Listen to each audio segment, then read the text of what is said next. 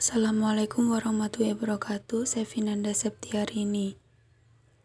Sumpah Pemuda merupakan sejarah yang mengarahkan Indonesia kepada kemerdekaan. Sumpah Pemuda menjadi salah satu cara untuk mengedukasi para pemuda agar tidak terpengaruh oleh cacian negara asing. Selama dua tahun kemerdekaan, Belanda masih tetap merebut kembali untuk menguasai Indonesia dan dari permasalahan pada saat itu dapat mendorong para pemuda untuk mendirikan organisasi-organisasi untuk mempertahankan Indonesia. Aksi mahasiswa dalam meneruskan semangat Pemuda dan kemerdekaan.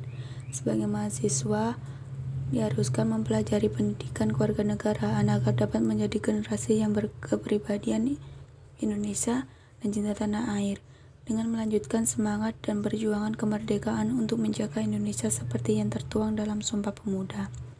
Memahami, mematuhi, dan mengamalkan empat pilar kebangsaan yaitu Pancasila, UUD 1945, NKRI, dan Bhinneka Tunggal Ika di kehidupan sehari-hari, serta mempertahankan identitas negara yang menjadi ciri khas agar dapat membedakan negara Indonesia dengan negara lain.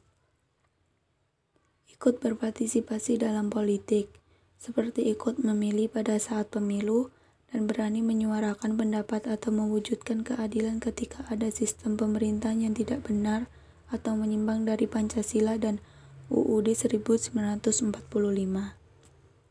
Reaksi mahasiswa setelah membaca berita tentang ragam aksi unjuk rasa Sumpah Pemuda di Jakarta hingga daerah. Adanya aksi para pemuda untuk melanjutkan semangat Sumpah Pemuda dan kemerdekaan dengan berpartisipasi politik menyuarakan pendapat melalui unjuk rasa.